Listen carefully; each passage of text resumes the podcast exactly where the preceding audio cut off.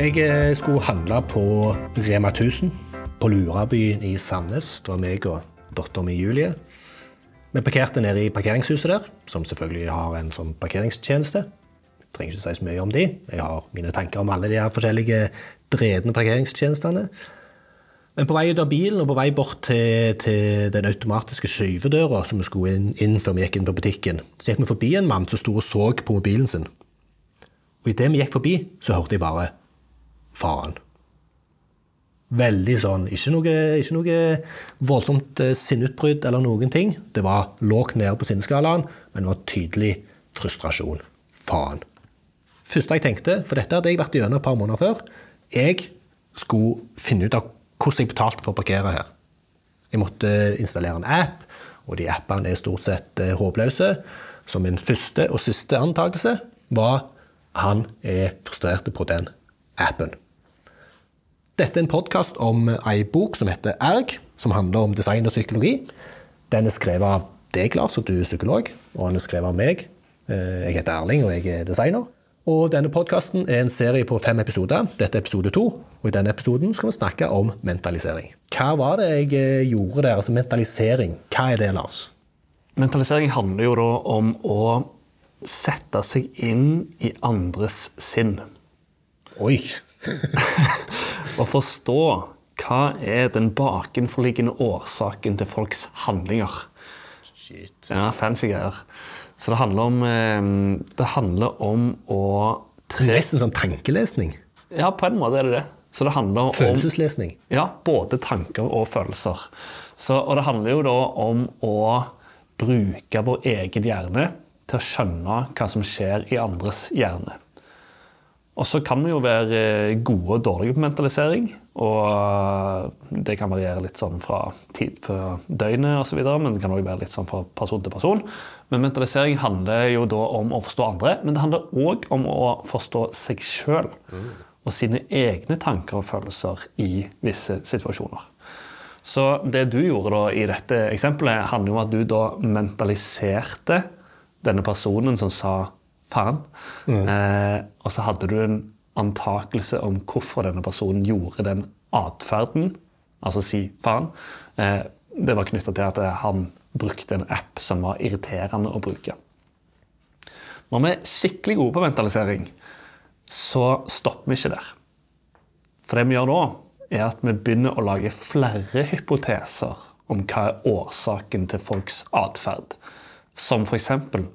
Eh, denne personen her sier faen. Hm, det kan jo være at han er irritert på appen. Men det kan jo kanskje være andre grunner òg, tror du ikke? Absolutt. Det kan være han fikk en melding fra samboeren som sa at hun ville slå opp. Kanskje. Ja.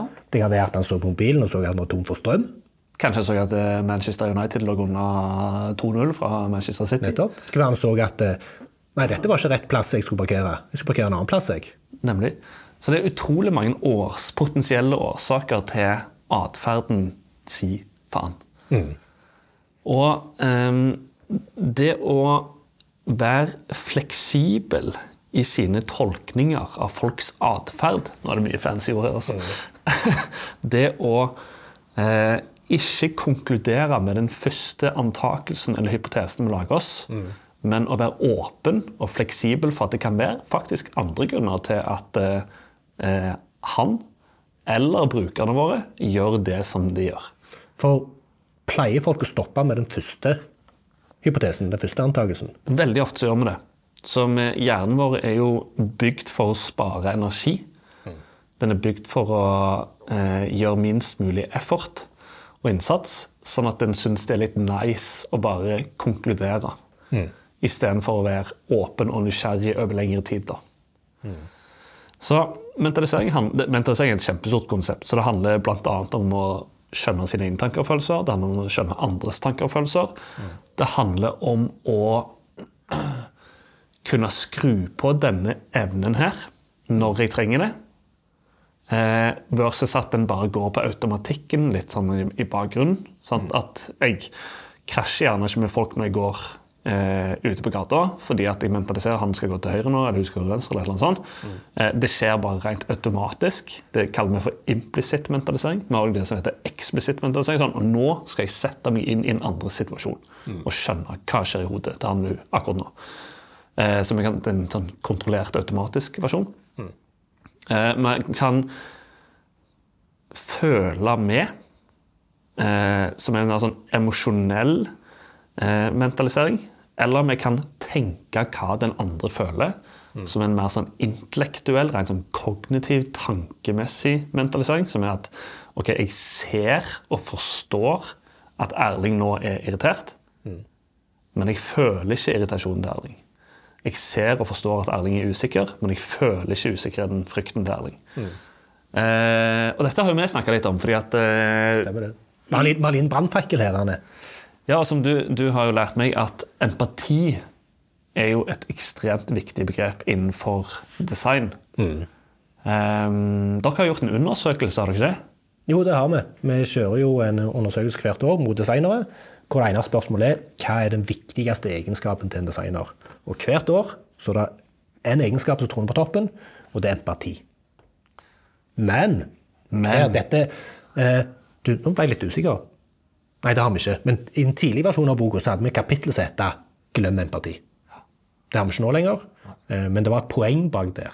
Hva er det poenget?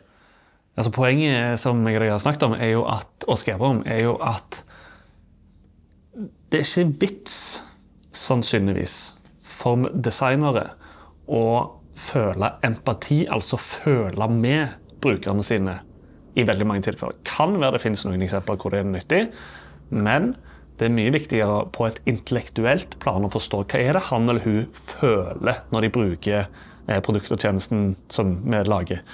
Så empati er på en måte litt misvisende. Fordi det handler ikke om å føle med, det handler om å forstå. Og det er mye viktigere å forstå. Du trenger ikke å føle problemet som en bruker har, men du bør forstå problemet som en bruker har. Så empati Vi har gått så langt som å utfordre Stanford D-Schools fem eh, designfaser, for de som kjenner den. Hvor den første handler om empati. Vi mener jo at det handler egentlig om mentalisering. For det er egentlig det gode designere bør gjøre. Og jeg tror, til jeg designers forsvar, eh, det er mer mot det de mener når de snakker om empati. Det handler om å forstå brukeren på et eh, intellektuelt nivå. Men det er jo dumt å bruke et ord som empati, som jo egentlig har den eh, betydningen at du skal føle med. Så vi mener mentalisering er et bedre begrep og et bedre verktøy for å forstå brukeren. Helt enig. Og det er et, eh, I psykologifaget så er det et veldig sånn stort konsept med mentalisering. Vi skriver bøker opp og bøker ned. og eh, Sider opp og sider ned, tror jeg det heter. forresten. Men om, om disse tingene. En ting som jeg syns er sykt spennende når det kommer til her, da, som jeg bare har lyst til å nevne kort, det handler om noen sånne mentaliseringsfeller som vi kan gå i. Og dette er litt avansert, så nå må folk holde fast, holde, holde fast i stolen sin. Eh, eller hvor enn de er. Fordi at å mentalisere andre innebærer òg at du tar noen deler av deg sjøl og trykker inn i sånn som du tror andre tenker og føler. For eksempel så kan det være at hvis jeg observerer en bruker eh, bruke produktet og tjenesten min, så kan det være min hjerne tenker at ja, nå er han eller hun eh, Nå kjeder han eller hun seg, er lei av dette produktet her.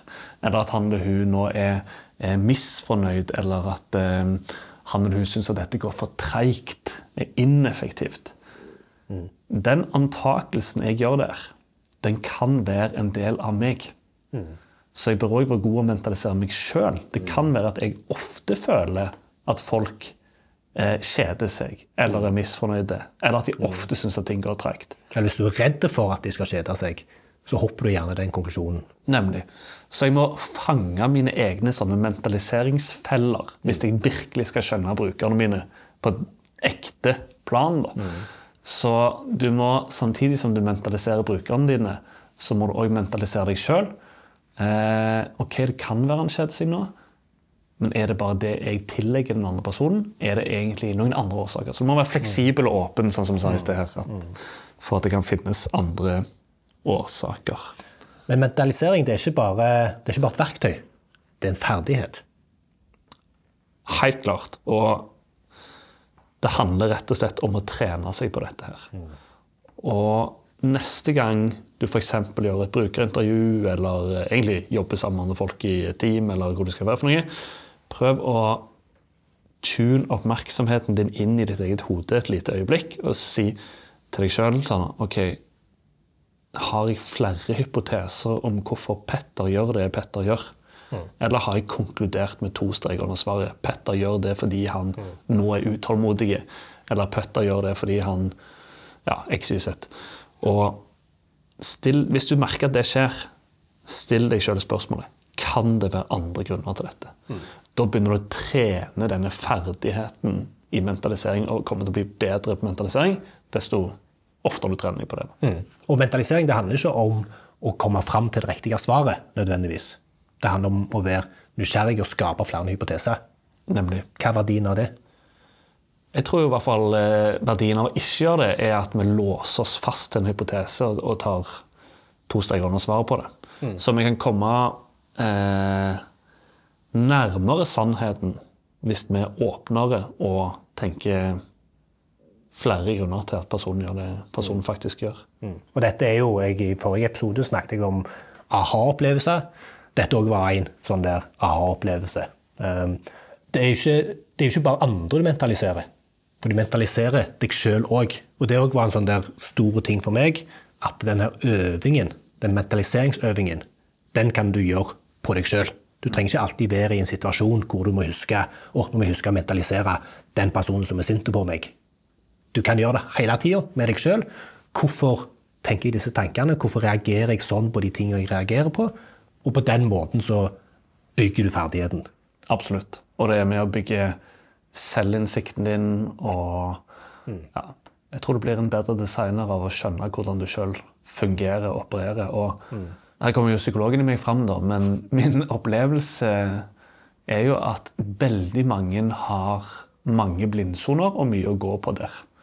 Og ville hatt nytte av å trene seg på disse tingene her. For altså mentalisere seg sjøl bedre, oftere, mer. For å um, egentlig forstå bedre hvordan jeg fungerer, og hvordan jeg fungerer på andre mennesker. Og hvorfor jeg reagerer sånn som jeg gjør. Kan du oppsummere mentalisering veldig kort? Det handler om å forstå seg sjøl, mine egne tanker og følelser. Og det handler om å forstå andre tanker og følelser.